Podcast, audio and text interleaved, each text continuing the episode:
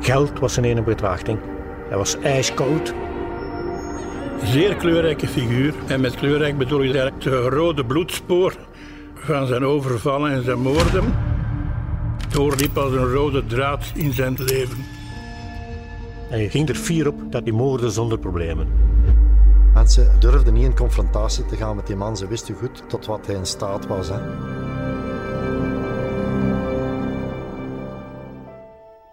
We keren terug naar eind april 1995.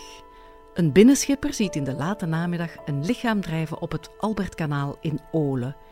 Het lijk drijft af naar het sluizencomplex. De brandweer en de Rijkswacht worden gealarmeerd. Ze halen het lichaam uit het water. Wat ze op dat moment nog niet weten, is dat de overledene een legendarische figuur is in de misdaadwereld. Je luistert naar het derde seizoen van De Kroongetuigen, een podcast over moord in Vlaanderen. Dit is De Schrik van de Kempen.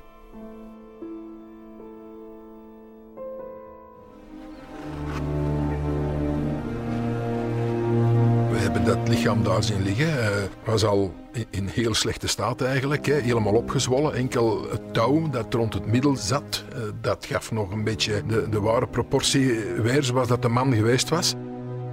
En opmerkelijk was eigenlijk dat die rechterhand, waar de pink en de ringvinger ontbraken, daar, die waren geamputeerd. Voor de rest was het eigenlijk weinig om te zien. De man was gekleed in een kaki trui, een legertrui. En in zijn broekzak zat een pakje wc-papier. Voor de rest had die man niks bij. Er waren geen juwelen, geen identiteitskaart, niks. De brandweer brengt het lichaam naar het mortuarium in Geel. Daar stellen de experts twee duidelijke schotwonden vast.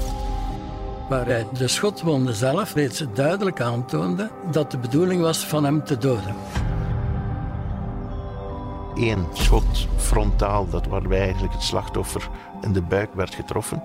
En dan een tweede schot waarbij het niet anders kon dan dat de schutter zich rechts van het slachtoffer bevond. De wapendeskundige kan vrij snel achterhalen welk wapen is gebruikt. Het ging over een jachtwapen, kaliber 12, wat een zeer courant wapen en een zeer courant jachtkaliber is. We hebben dan de standaardformulieren ingevuld. Dat was een niet geïdentificeerd lijk. En dan is dat onmiddellijk via de signing weggegaan. En zondagsmorgens kwamen we op een bureau en er werd direct gezegd: Het is waarschijnlijk Pierke Verhaard.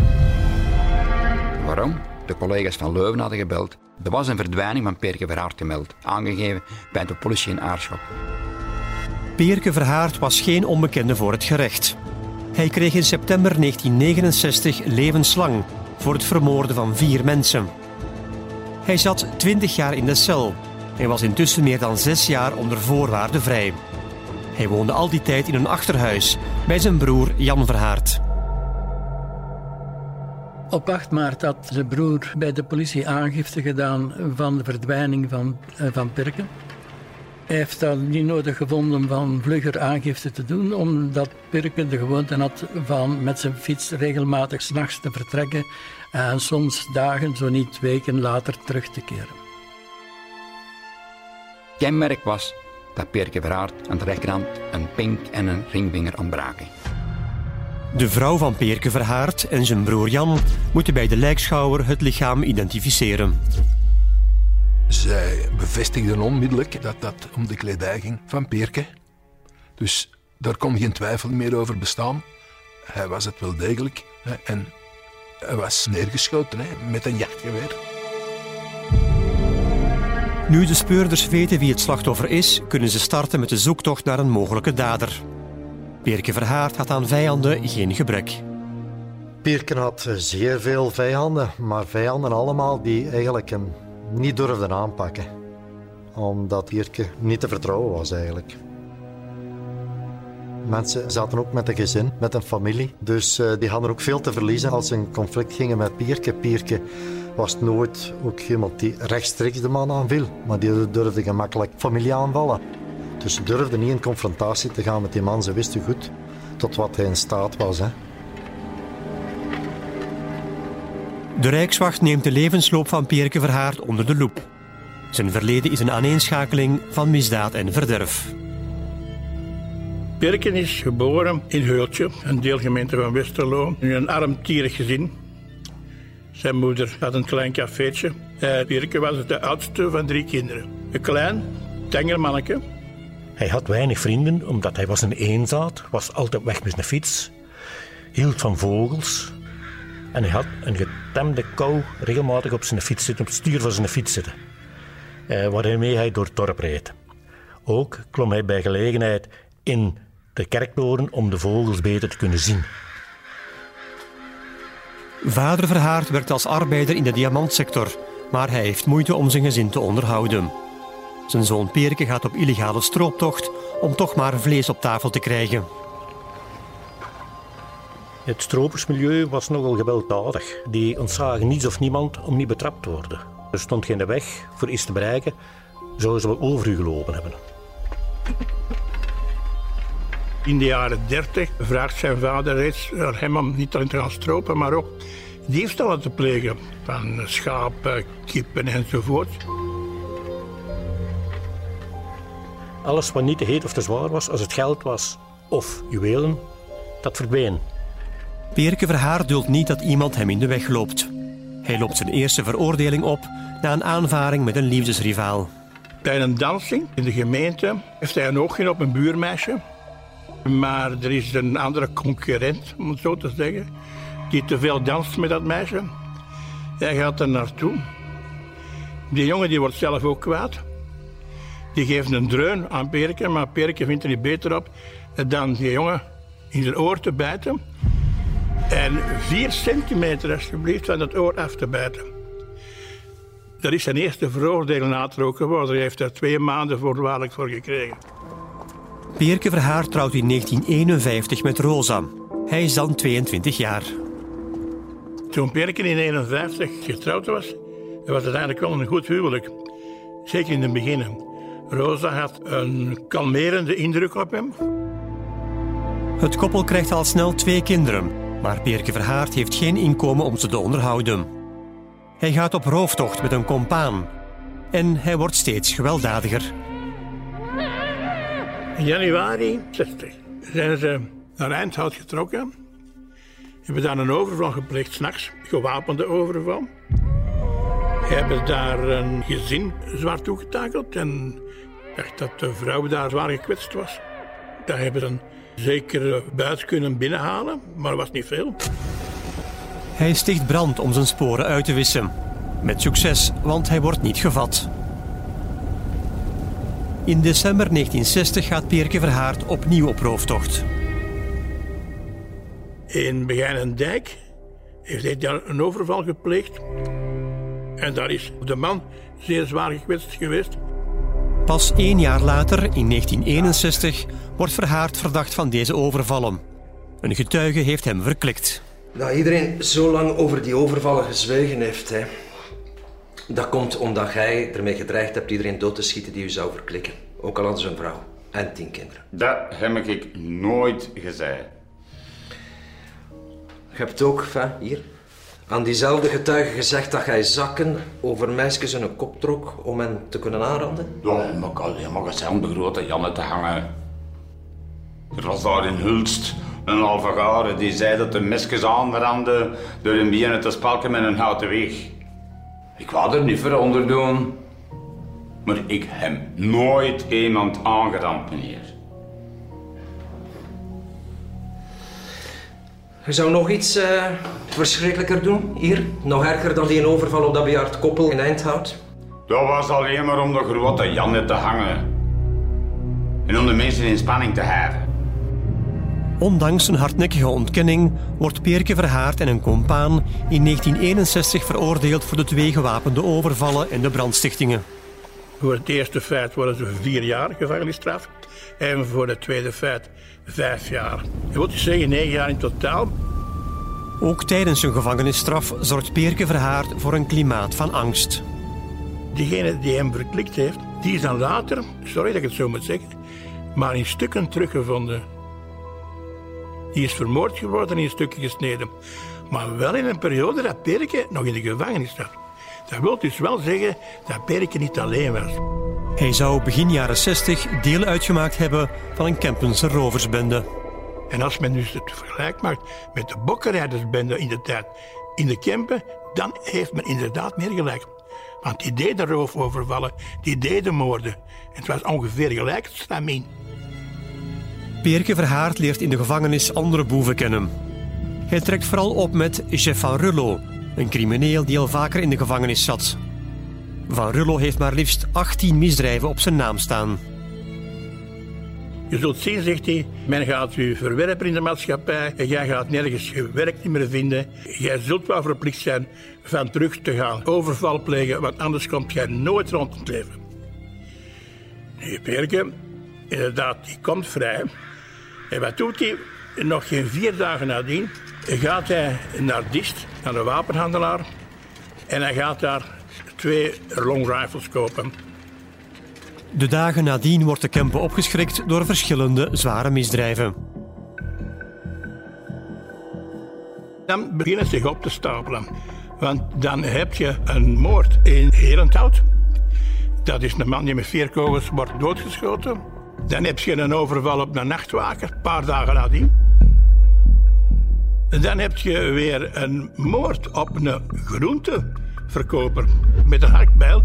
Is die vermoord geworden. En dan heb je nog een overval op een nachtstation, waarbij een buit iets van een 45.000 frank was. Allemaal zaken die uiteindelijk onopgelost zijn gebleven.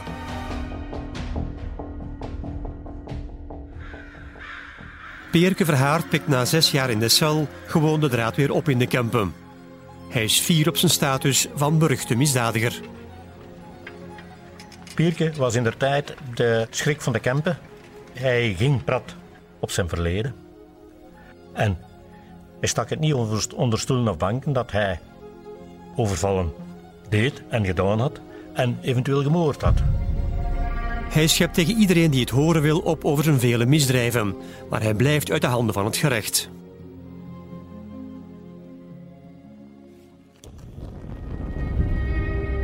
In de nacht van 1 op 2 februari 1968 wil Verhaard een boerderij in Turnhout overvallen, maar het loopt uit de hand. Drie mensen worden vermoord. De boerderij brandt volledig uit. Het onderzoek naar de moorden in Turnhout komt in handen van de intussen overleden onderzoeksrechter August Boeks. Die man heeft daar zijn levenswerk van gemaakt. En uh, die is zo slim geweest toen hij eigenlijk de feitelijkheden rond die brand in die hoeve had gelezen. Om te denken, tja, ik herinner me de zaken in Eindhout. Omdat daar ook sprake was van, ik maak hier alles kapot, ik steek alles in brand. En hij dacht, misschien is daar toch wel ergens een verband. Onderzoeksrechter Boeks spoort Peerke Verhaard op voor een verhoor. Peerke Verhaard was ondertussen aangehouden. En tijdens ondervraging bewoog hij dus niet. In de tijd dat hij gevangen was gezeten, had hij dus yoga geleerd. En wat betrof dat eigenlijk? Dat was dus eigenlijk dat hij rechts voor hem keek, het verste punt, en er niks anders deed dan dat verste punt bekijken. Zodanig dat je niks meer hoort van je omgeving. Dus gedurende vier dagen had onderzoeksrechter Boeks geen enkel contact met hem. Gebeurde niks.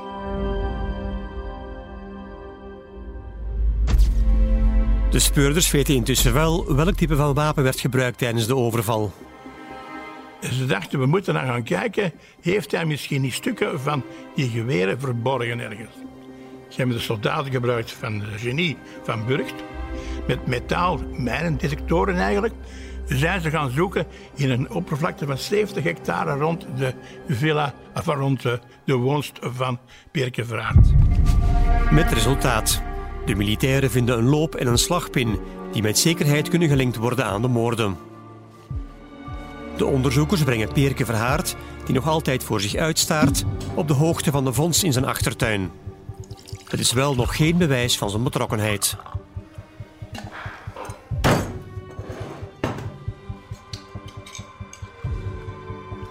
Als dat over die wapens en die munitie gaat, waarom spreekt hij niet gewoon de waarheid?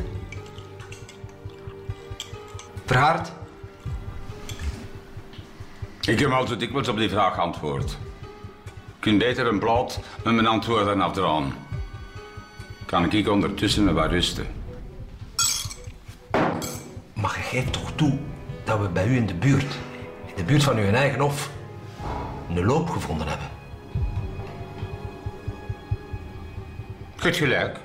Als ik daar in een plek zou zitten, dan zou ik dat fabeltje ook niet geloven. Zou ik ook zeggen, je zit ontliegen.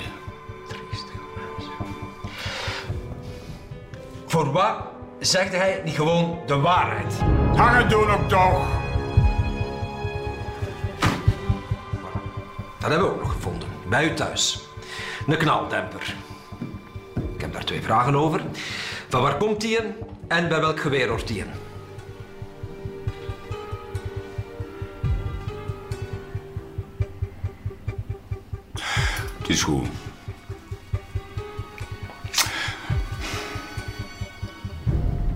Ik zal de volledige waarheid vertellen. Maar eerst wil ik wat slapen.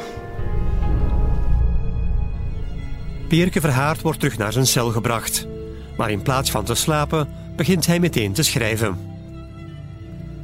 Intussen wordt onderzoeksrechter Boeks opgeroepen om de bekentenissen van Verhaard te aanhoren.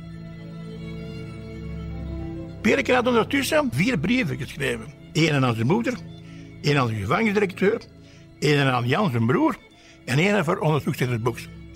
En in die laatste brief stond de bekentenis van al de moorden.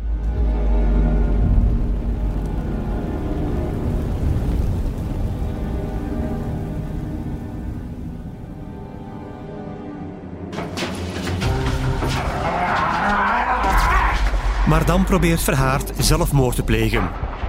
Cipiers kunnen de verhanging op het nippertje voorkomen. Peerke Verhaard kan nog net één van de vier brieven in zijn mond steken. Hij had de brief gericht aan de onderzoeksrechter in zijn mond gestoken en helemaal doorgeslikt. Dus die bekentenissen die bestonden niet meer. Maar de bewijzen tegen hem voor de moorden in de Hoeve zijn staalhard. Hij heeft dan wel, maar kon niet anders, de moorden in de Hoeven die heeft hij bekend. En een dag nadien heeft hij dan wel ook de moord bekend op een vertegenwoordiger in Luik. Peerke Verhaard bekent dat hij deze moord pleegde net na zijn vrijlating, samen met Jeffan Relot. Die kwam in dezelfde periode vrij. Hij wordt nu officieel beschuldigd van in totaal vier roofmoorden. Het dossier is zo complex dat Peerke Verhaard twee advocaten krijgt toegewezen. Pro deo, want Verhaard heeft geen financiële middelen. Voor meester Luc Truijens is het zijn eerste assisezaak. Wij gingen die regelmatig, meester Mertens en ik, regelmatig bezoeken natuurlijk, in, uh, in zijn cel. Dat was ook niet zo simpel. Hè? Men had dus schrik dat hij zou zelfmoord plegen of andere mensen iets zou aandoen. Dus zei men tegen ons, jij kunt Perke niet ontvangen in de gewone ontvangstkamertjes in de gevangenis. Maar wij moesten dus wel in de gevangenis zelf gaan. Nu, zo gezegd voor onze veiligheid, had men gezegd, we zullen een cipier voorzetten en de deur half open. Maar dat gaat natuurlijk niet. Hè? Als je met een cliënt in een cel moet bespreken hoe dat je de zaak moet gaan behandelen, dan heb je gezegd, nee, dat willen wij niet. Deur toe en die cipier die mag weg. We hebben er nooit last van gehad, van Peer, nooit. De advocaten moeten nu op zoek gaan naar mogelijke verzachtende omstandigheden voor hun cliënt. Je kunt het natuurlijk niet goed verklaren, de moord enzovoort. Maar je kunt wel zeggen dat hij nooit is opgevangen geweest door de maatschappij. Als hij de gevangenis verliet, stond hij alleen voor de poorten. Financieel stond hij ook nergens, want vergeet niet in die tijd alleszins, als je meer dan vijf jaar gevangenisstraf had, had je geen recht op een sociale uitkering. Dus hij had dus niks. Peerke Verhaard wilde wel werken voor zijn geld. Nog voor de eerste moord in Luik had hij gelezen dat er een functie van boswachter vrij was. Dat was iets voor hem. En die is dan naar de gemeentesecretaris gegaan en hebben ze gezegd: uh, Sorry, met uw verleden, dat gaat toch niet. En die gaan proberen, en ik, ik, ik overdrijf niet, gaan proberen, mag ik dan in een school, geloof ik, mag ik daar de wc's gaan kuisen? Ook dat mocht niet. Op 23 september 1969 verschijnt Peerke Verhaard, de schrik van de Kempen, voor het Hof van Assise in Antwerpen. De psychiaters zijn gekomen. Daar is hij op kwaad geworden, omdat zij zegden dat hij niet gevoelig was. Hij vond zichzelf wel gevoelig. Als zijn moeder kwam, begon hij te wenen. Als zijn broer kwam, en zei zijn broer... Ja, jongen, ik kan er niet aan doen, maar ik moest hier komen. Ze, hè. Ik weet het wel, broer. Ik weet het wel, je bent een goeie. Pierke Verhaard probeert zelf elementen aan te dragen die in zijn voordeel moeten pleiten. In die tijd heeft hij zelfs twee mensen uit de vaart gered. En hij zegt, kijk eens een keer, ik heb nu wel bekend dat ik vier moorden begaan heb, maar uiteindelijk heb ik er daar toch twee gered. Dus het is 4-2 nu, hè. Dat is typisch Perke Verhaard. Zijn gerechtelijk verleden en de staalharde bewijzen voor vier moorden wegen niet op tegen de mogelijke verzachtende omstandigheden. Peerke Verhaard krijgt de doodstraf. Die wordt automatisch omgezet naar een levenslange celstraf. In de gevangenis was hij een onberispelijke mens. Hij veroorzaakte nooit problemen. Was altijd onderdanig, kruiperig zelfs. Hij is ooit een oproer geweest in het Leuven Centraal. Hij deed er niet aan mee. Hij studeerde daar talen, Duits, Engels, Frans. Zelfs met noties van Spaans. Hij deed ook mee in activiteiten, want hij speelde er met toneel bijvoorbeeld. Dankzij zijn voorbeeldig gedrag maakt hij na 20 jaar cel kans op een vervroegde vrijlating. Pierke kreeg wel een voorwaarde, dat was in die tijd zo, als je voorwaardelijk in vrijheid wordt gesteld, dat je een vaste verblijfplaats had. Zijn broer, Jan Verhaart uit Wolfsdonk bij Aarschot, biedt hem die vaste verblijfplaats aan. Het is dan 1990. Pierke Verhaart kan zijn leven opnieuw opstarten. Zes jaar later wordt hij vermoord teruggevonden.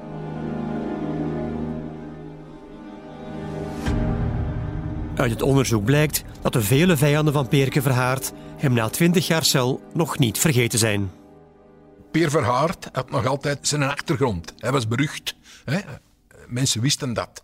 Mensen meden liever uh, Verhaard. Uh, zij hadden er liever geen contact mee. Mensen hadden schrik. Ze zagen hem liever komen dan gaan. Peerke had wel degelijk vijanden gemaakt. En Peerke... Eh, er konden veel mensen zijn die Peerke naar naar het leven stonden. Die Perke zou willen vermoord hebben. Dus het was niet zo eenvoudig om het allemaal te ordenen, integendeel. Nochtans is Perke Verhaard zijn nieuwe leven als vrij man in alle rust begonnen. Hij heeft zelfs een nieuwe vrouw. In de gevangenis had hij contact opgenomen met een Filipijnse via briefwisseling. Uh, daar waren toen nog geen uh, intieme kamertjes zoals nu. En dus dat was allemaal nog op afstand eigenlijk op dat ogenblik. Maar uh, hij is ermee getrouwd met die Filipijnse als hij vrij kwam. En dat is eigenlijk ook een goed huwelijk geweest. Hij woont met zijn vrouw in een achterhuis bij zijn broer Jan Verhaard en start een nieuw leven. Maar al snel blijkt dat Peerke Verhaard geen haar veranderd is. Hij is fier op zijn bijnaam, schrik van de Kempen. Na zijn voorwaardelijke vrijheidstelling was al duidelijk dat Pierke eigenlijk niet bekeerd was in de gevangenis. Hè. Hij uh, stak dat niet weg, zijn verleden, dus hij ging terug op cafébezoek. En in de café mocht iedereen weten wie Pierke was. Hè. Pierke Verhaar is een moordenaar en een overvaller. En bovendien heel handtastelijk tegenover de vrouwen. Ook dat heeft hij niet verleerd, ondanks zijn nieuw huwelijk.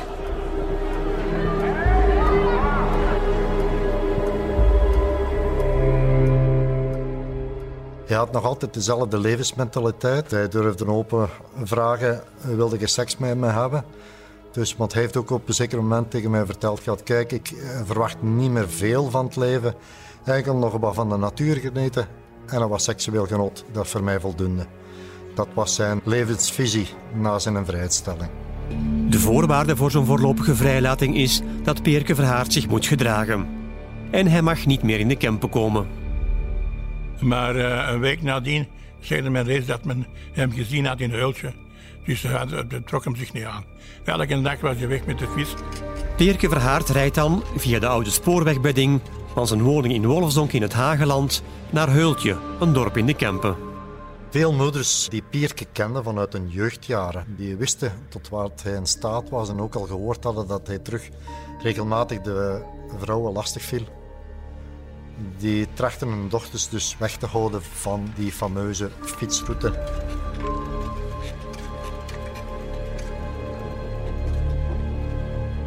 Hij begint ook terug te stropen en te roven. Zijn inbrekersmateriaal en wapens verstopt hij bij de buren. Zo was het ook dus met die man, een Hultje, die ons dan vertelde dat Pierke een zak had verstopt bij hem onder het tuivenhok. En hij ontdekte dus dat in die zak inbrekersmateriaal en een pistool zat. Hij wilde zo snel mogelijk die zak daar weg en heeft dan Pierke daar over aangesproken. En gezegd, kijk man, dan moet je verdwijnen. Pierke voelde zich daar natuurlijk wat door betrapt. Later stelt die man vast dus dat op zijn duivenhok een twintigtal duiven dood liggen. Ook de buurvrouw van deze getuige reageert heel angstig als speurders de naam van Peerke Verhaard laten vallen.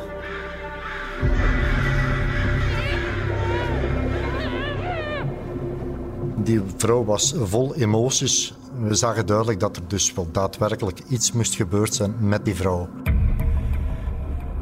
Zij vertelde ons hoe Pierke dan haar gedwongen had naar zijn woning te gaan. Ze werd er ook verkracht. Nadien werd ze nog eens verkracht door Pierke. Toen was het in de omgeving van haar woning. Heeft dan haar terugverkracht. En er dan ook nog gezegd in zijn bewoordingen: Pas op, of ik snij je de kop af en ik zet hem op beschouw als je je mond niet kunt houden. Er zijn verder geen getuigen of bewijzen van deze feiten. Het zijn de verklaringen van de vrouw tegen die van Peerke Verhaard. Zij werd geconfronteerd met de verhalen van die verkrachting, maar hij draaide dan de rollen gewoon om. Ja, natuurlijk heb ik seks gehad met dat wijf. Geef dus toe dat je ze verkracht hebt. Verkracht? Zoals godverdomme niet liever. We hadden een relatie en een gay relatie. En dan zegt ze zoiets. Sommige mensen, dat is toch niet te schatten, hè? Hij speelde eigenlijk het slachtoffer in die zaak. Hij wist iedereen gemakkelijk te bespelen. Hij kon ook dadelijk overgaan naar tranen. Ja, het is mij iets. Maar Peerke, je gaat wel moeten oppassen, hè, man.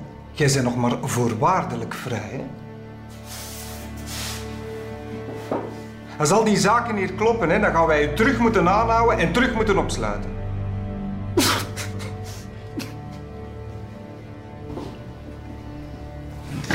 Wat kreeg jij nu?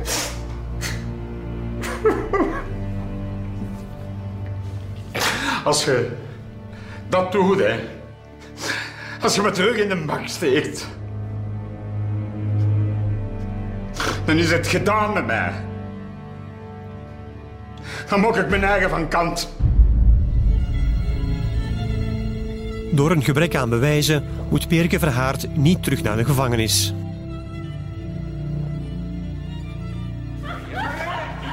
Maar de nieuwe confrontatie met de politie schrikt hem niet af. Hij blijft ook nadien zijn reputatie trouw. Pierke was terug van plan van overvallen te plegen. Een café waar hij regelmatig kwam, ging hij met zijn compagnon in Schuurke plannen bespreken voor een overval. Toevallig had de cafébazin bier nodig. Die ging dat in Schuurken halen. En uh, ze hoorde een gesprek tussen Pier en zijn compagnon. En dat ging over een overval van de juwelier in Geel. En dat mocht niemand overleven, mochten geen getuigen achterblijven. Pierke en zijn compagnon zien dat de bazin dat gehoord heeft. Ze hebben gewacht tot de klanten weg waren. Ze hebben die vrouw overvallen, uitgekleed, vastgebonden en in schuurken aan een balk hangen en met een prop stro haar schaamhaar afgebrand, zoals ze vroeger bij de varkens deden die geslacht werden. Nadien hebben de vrouw terug vrijgelaten en gezegd dat ze zeker niet mocht klikken en dat haar lot dan zou zijn vreselijke dood sterven. Uit angst dient de vrouw geen klacht in bij de politie. Een paar jaar later wordt het lichaam van Peerke Verhaard uit het water gehaald. Er is toch iemand die het heeft gedurfd zich te keren tegen de schrik van de Kempen. Het lichaam vertoont schotwonden en rond zijn middel is een koord gebonden. Alles wijst op een gewelddadig overlijden. Perk had veel vijanden. Mensen die hem niet genegen waren, in tegendeel, en hem liever zijn rug zagen van zijn gezicht. Ja, en dan moet je beginnen aan je onderzoek. En waar begin je dan? Ja, bij de familie. Zo zijn we dan terechtgekomen in Wolfsdonk bij zijn broer, Verhaard Jan. Jan Verhaart laat uitschijnen dat zijn broer zelfmoord zou gepleegd hebben. En Jan verwijst dan naar hetgeen dat in de gevangenis is gebeurd. Maar de wetsdokter laat er geen twijfel over bestaan. De twee schotwonden kan hij nooit zelf hebben toegebracht. Dus wij konden de zelfmoord niet aanvaarden. Het onderzoek wordt bemoeilijkt omdat geen enkele getuige vrij durft te spreken, uit angst. Zelfs nu Perke Verhaard dood is. Peer Verhaard had nog altijd zijn achtergrond. Hij was berucht. Niet iedereen was bereid om zijn naam op papier te laten zetten in een onderzoek. De speurders onderzoeken uiteindelijk een spoor dat naar het buitenland leidt. Want Perke hield zich ook bezig met het koppelen van Belgische mannen aan Filipijnse vrouwen. Er waren natuurlijk mensen die, die zich bedrogen voelden door die Filipijnse, maar het waren allemaal lieve madammen. En zo komt dan ook bij die Filipijnse pist die eigenlijk zich situeerde op die vrouwen, wat Peer allemaal gedaan en had Peer er geld voor gekregen. Daar ging het eigenlijk over. Dat waren zeker ook nieuwe vijanden. Maar uit die nieuwe vijanden komen geen nieuwe verdachten naar voren. De politie richt dan haar onderzoek op de naaste omgeving van Peerke Verhaard. Uit dat onderzoek blijkt dat het touw rond zijn middel erg lijkt op de touwen die ook in de boerderij lagen van zijn broer, Jan Verhaard. Voor ons waren dat eigenlijk dezelfde touwen van dat nylon touw dat uh, rond het lichaam zat van Peerke. We hebben die natuurlijk in beslag genomen. En is onderzoek heeft gedaan of het dezelfde koord was. En dat was niet het geval, was negatief. De wikkelingen van die koord was anders. De onderzoekers vinden voorlopig geen harde bewijzen tegen Jan Verhaard. Toch ontdekken de speurders een mogelijk motief. De relatie tussen Peerke Verhaard en zijn broer Jan was verre van optimaal. Wanneer men aanvankelijk zo gezegd liet uitschijnen dat hij vrij goed was, vrij snel bleek dat absoluut niet het geval te zijn. Als wij die verklaringen van Jan en zijn echtgenote mogen geloven, hield Birke daar werkelijk schrik bij wind.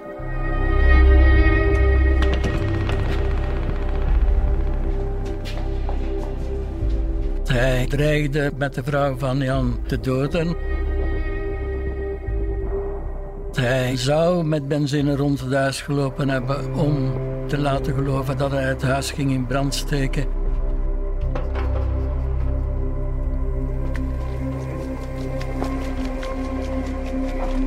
Dus die leefde voortdurend in angst. En er was nog een breekpunt in de relatie tussen de broers. We wisten ook dat Peer al zijn geld had overgeschreven op naam van zijn vrouw, de Filipijnse vrouw. Dat was wel een, een vrij groot bedrag, iets van over de 3 miljoen. Jan zal dat zeker niet kunnen appreciëren hebben. Daarom blijft Jan Verhaard verdachte nummer 1. Die vermoedens, die aanwijzingen, die waren te groot. Hè? Maar uiteraard ontkende Jan in alle toonaarden. Hè? Er was ook sprake dat Jan in het bezit was van een jachtgeweer. We hebben dat gevraagd. Uh, hij lachte ons uit. Hè? Uh, jachtgeweer, ik, nooit een jachtgeweer gehad. Het onderzoek zit na twee jaar muurvast.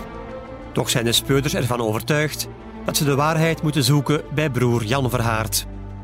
Ze krijgen van de onderzoeksrechter de toestemming om zijn telefoon af te luisteren.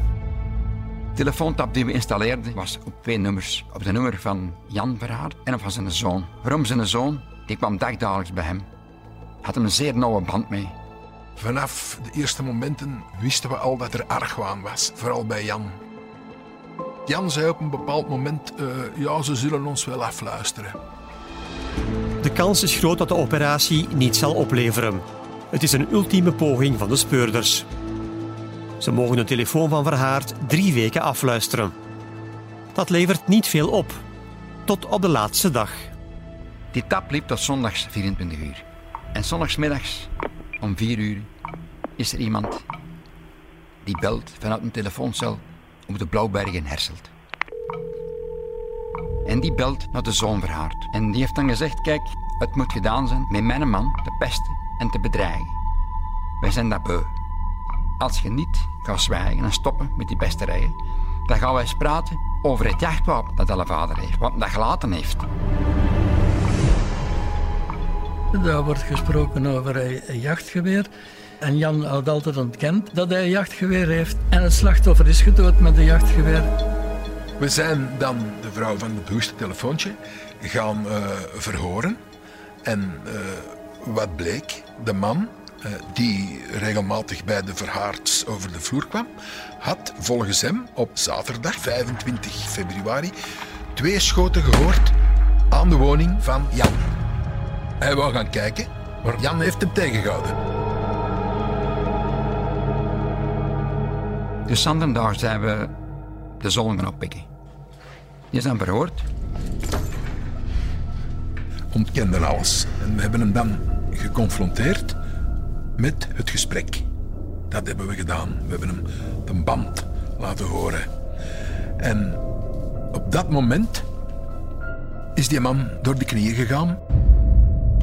Hij heeft hij gezegd, ik moet iemand verraden dat ik eigenlijk helemaal niet graag doe. Die voor mij altijd goed gezorgd heeft. Dat is mijn stiefmoeder, Gerda. Die zou geschoten hebben.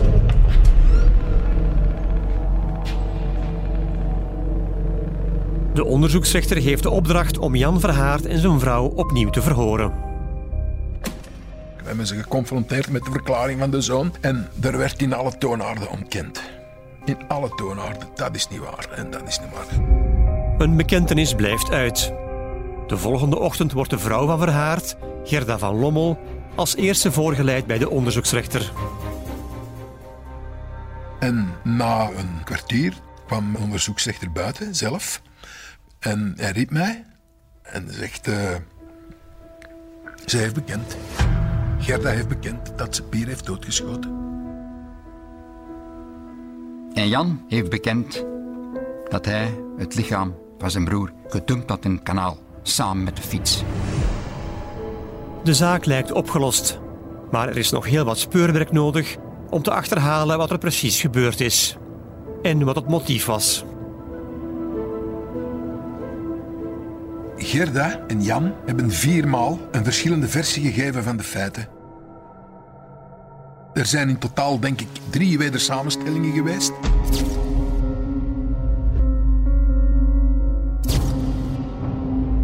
De eerste versie die was dus dat Gerda het geweer zou genomen hebben, twee schoten zou hebben afgevuurd, terwijl de man aan tafel de krant aan het lezen was. Gerda van Lommel beweert dat ze Peerke Verhaard in de inkomhal heeft neergeschoten. We zaten hier met een lang jachtwapen.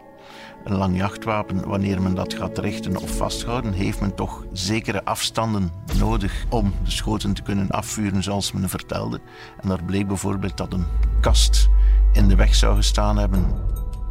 Jan Verhaard geeft tijdens zijn verhoor nu een heel andere versie van de feiten. Niet zijn vrouw Gerda, maar hij zelf zou zijn broer Peerke Verhaard hebben gedood. In de versie van de man was het zo dat hij de twee schoten afvuurde, waarbij het eerste schot op een afstand van ongeveer 90 centimeter werd afgevuurd frontaal op het slachtoffer. Maar bij het tweede schot verklaarde hij dat hij op ongeveer een meter 70 van het slachtoffer stond. Deze schietafstand blijkt niet te kloppen met de bevindingen tijdens de lijkschouwing. De schootsafstand die werd aangetoond door schutter was veel meer dan eigenlijk technisch aanvaardbaar was in functie van de vastgestelde verwondingen. Dus die verklaring kon ook niet weerhouden worden, zodanig dat we verplicht waren nog een wedersamenstelling te organiseren. Bij de volgende wedersamenstelling werd eigenlijk vastgesteld dat er door zowel de man als de vrouw werd gevuurd. De vrouw schiet eerst de hoogte van de hartstreek.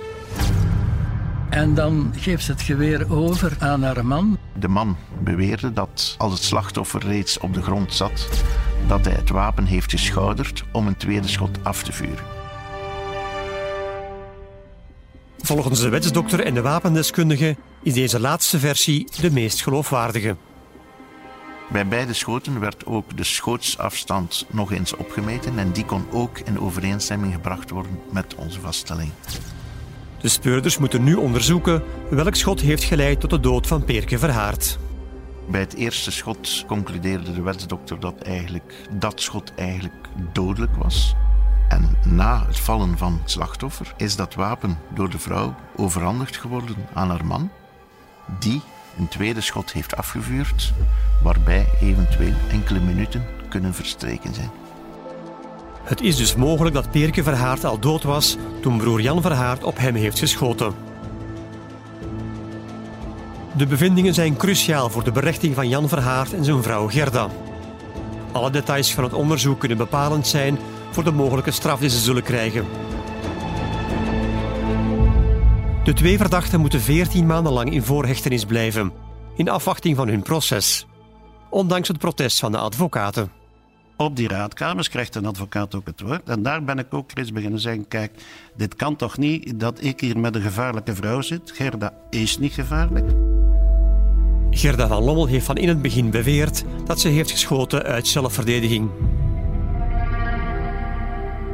Doorheen het onderzoek hebben we dan kunnen vaststellen dat heel wat ook moraliteitsgetuigen, kennissen, vrienden van Gerarde van Lommel en Jan Verhaard voortdurend ook spraken over de schrik en de angst dat die mensen doorstonden. Zelf in hun verklaringen hebben ze ook meermaals onderlijnd hoe bang, doodsbang, doodsbenauwd ze eigenlijk waren van Pirke Verhaard die achteraan in een chalet uh, op hun erf woonde. Hij heeft op een bepaald moment ook lichamelijke dingen gedaan naar Gerda toe, die men kan titelen als handtastelijkheden, maar dan zware handtastelijkheden.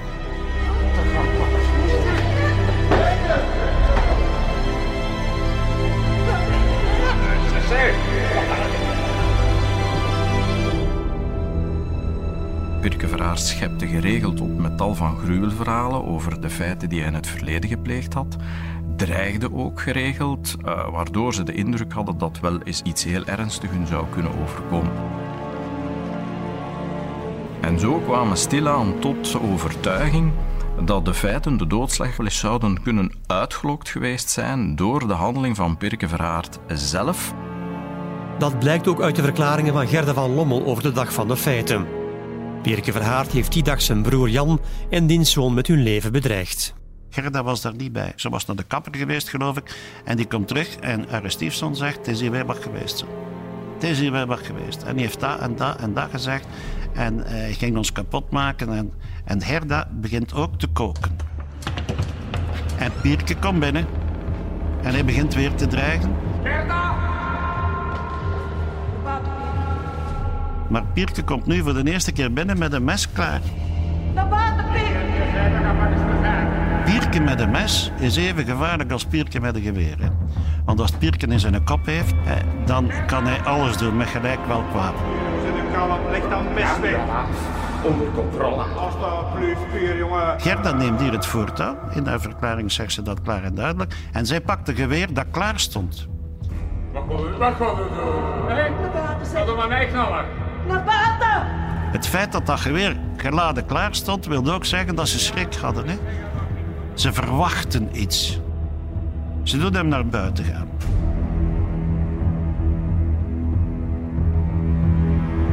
En zij gaat ook mee naar het kippenhok, geloof ik. En op een bepaald moment draait hij zich en zegt hij, kijk, voilà, nu gaat het gebeuren. Nee, gaat het gebeuren. Ik maak hem kapot. Dit is eigenlijk de illustratie van een heel nakende en ernstige aanval, waardoor het zeer aannemelijk is dat inderdaad bij Gerarde van Lommel de zenuwen het begeven hebben, zij haar laatste weerstand eigenlijk kwijtgeraakt is en ze heeft als zodanig geschoten.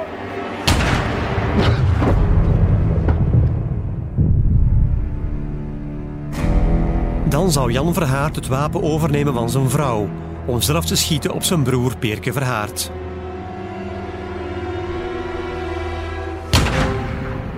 Maar volgens de wetsdokter was Peerke Verhaard al dood voor het tweede schot.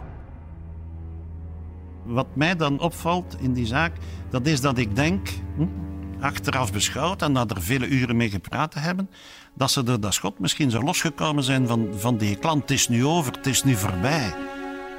En verdorie, ze wil bellen naar de politie, want ze weet goed genoeg dat ze bedreigd werd en dat men daar niet zoveel zal over maken. Dat men zal begrijpen als de politie Hans die in toestand kent. Marianne Verhaard houdt zijn vrouw tegen. Tot driemaal toe zouden dat gepoogd hebben. Tot driemaal toe werd dat verhinderd door Jan. Je moet daar de politie niet bij halen. Laten we daarover nadenken. En dan zijn ze tot besluit gekomen van... Ja, Pirke moet hier weg. Het echtpaar wist zorgvuldig alle sporen uit. Ze verstoppen het wapen en dumpen het lijk van Peerke Verhaard. Het Openbaar Ministerie moet nu beslissen of het koppel handelde uit wettige zelfverdediging. Wettige zelfverdediging kan eigenlijk maar ingeroepen worden indien er een onmiddellijke noodzaak is om zich te verweren, zoals hier gebeurd is, en indien er ook een evenredigheid is tussen dat verweer en de aanval. Het Openbaar Ministerie was van oordeel dat die onmiddellijke noodzaak om te schieten niet echt aanwezig was. Uh, Gerarda van Lommel had eigenlijk Pirke Verhaard, naar aanleiding van een woordenwisseling en bedreigingen, uit het huis gejaagd. Zij was hem achterna gegaan met het vuurwapen. Wel, zij had op dat ogenblik, want Pirke Verhaard uitte nog altijd bedreigingen, gewoon terug kunnen binnengaan, de deur afsluiten en de politie verwittigen. Dat is een optie die men helemaal niet bekeken heeft. Nemen heeft gevuurd. En dan komen we op het punt van wat met de evenredigheid. En dan moet er gezegd worden, Pirke heeft inderdaad een heel felle aanval ingezet. Met een mes, mes dat trouwens ook later effectief is teruggevonden. En Gerarda heeft geschoten. Hij heeft een vuurwapen gebruikt. Het is dus enigszins te begrijpen dat Gerda van Lommel heeft geschoten. Maar blijkt uit de deskundige bevindingen dat dat schot meteen dodelijk was. Ze heeft helemaal niet gericht naar de benen van Pirke, ze heeft helemaal niet in de lucht geschoten. Ze heeft onmiddellijk geschoten om Pirke te hebben. Het eerste schot bleek namelijk al fataal te zijn. En daar komt nog bij dat men het niet bij één schot gelaten heeft, maar dat er dan, en dat zou dan Jan Verhaard geweest zijn, een tweede schot op Pirke Verhaard is gelost. Het Openbaar Ministerie vordert uiteindelijk een verschoonbare doodslag tegen het koppel.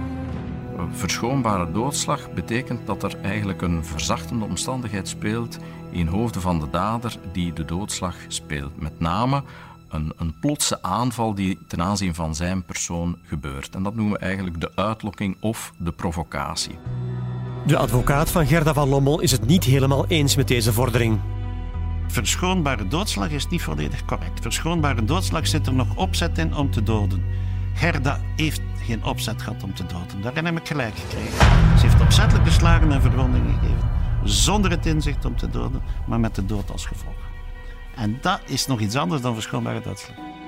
Beide verschijnen niet voor het Hof van Assise, maar voor de correctionele rechtbank. Het Openbare Ministerie vraagt vijf jaar cel. Op dat ogenblik zit het koppel al 14 maanden in voorrechtenis. Gerarda van Lommel is door de rechtbank veroordeeld tot een gevangenisstraf van twee jaar. Jan Verhaard is veroordeeld tot een gevangenisstraf van 14 maanden. Gerda van Lommel wordt gestraft voor doodslag. Jan Verhaard enkel voor het wegwerken van het lijk. De vrouw krijgt wel uitstel voor de zes maanden die ze na haar voorhechtenis nog zou moeten zitten. Die mensen hebben een zeer lange tijd in voorlopige hechtenis gezeten voor die feiten. Het was een zeer complex en zeer moeilijk onderzoek om de waarheid te reconstrueren. Maar nadat die zaak is voorgekomen, betekende die straf ook meteen dat zij vrij naar huis konden.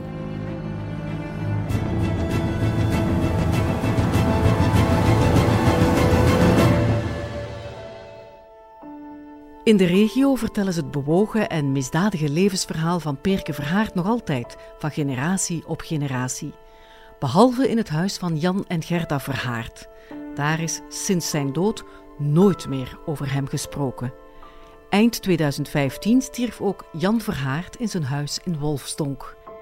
Dit was De Schrik van de Kempen uit het derde seizoen van De Kroongetuigen. Een podcast gebaseerd op de gelijknamige televisiereeks.